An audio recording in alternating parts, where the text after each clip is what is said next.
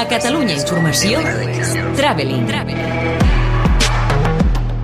Estrenes de cinema i sèries a Catalunya Informació. Traveling. Amb Marc Garriga. You swear on your life that what you say is true. El último duelo és una aposta decidida de Ridley Scott per fer encaixar fons i forma. El director de Blade Runner i Alien mira ara al passat per recuperar el cas documentat de l'últim duel en sol francès al segle XIV, quan dos homes van lluitar a mort després que la dona d'un d'ells denunciés el seu rival per violació. Scott ens mostra tres versions dels fets, les d'ells dos, perfectament documentades, i finalment la d'ella, una hipòtesi absent a tots els llibres d'història.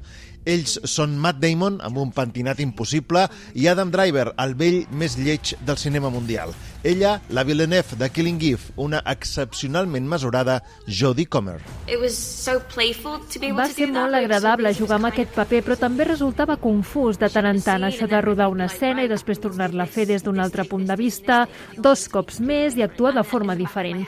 Internament pensava que el que més desitjava era que s'entengués la perspectiva de Margaret i el que m'ajudava a tirar-ho endavant era pensar que al final de la pel·lícula la veritat era només una.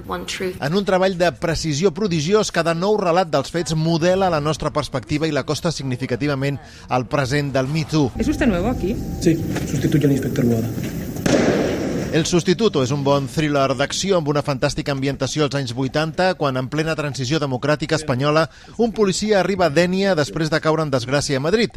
Pensant que arribava a un oasi de pau, es troba amb la colònia de militars nazis més important del món que ni tan sols s'amaguen i viuen de la connivència dels veïns i de la protecció tàcita dels hereus del règim franquista.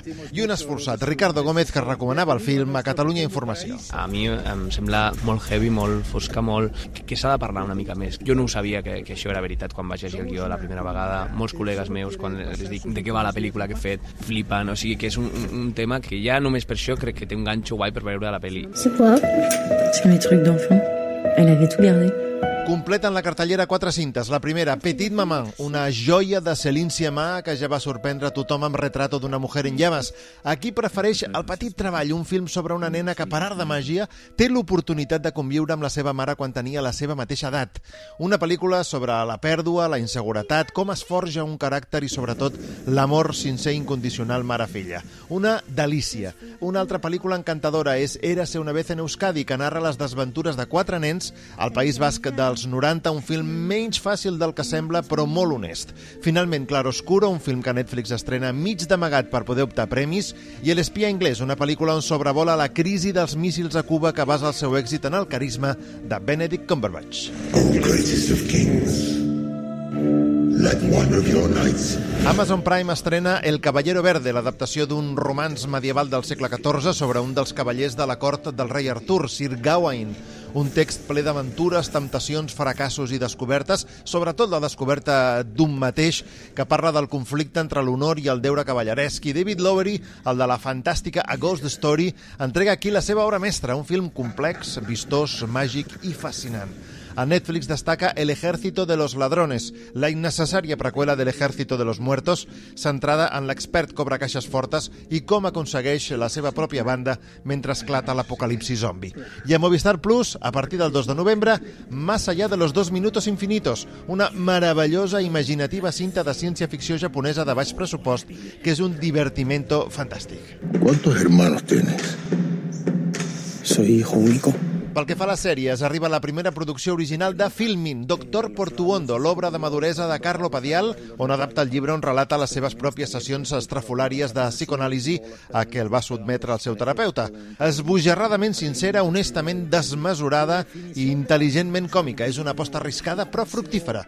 Padial s'emporta en aquest viatge als seus habituals, Berto Romero, Llimó, Arturo Valls, a qui suma un mimètic Nacho Sánchez i un superlatiu Jorge Perugorria. També arriba a Netflix la miniatura imaginativa El tiempo que te doy, una sèrie carregada de veritat, amb capítols continguts i breus on la seva creadora, Nadia de Santiago, narra en diferents flashbacks el deteriorament sentimental d'una parella jove.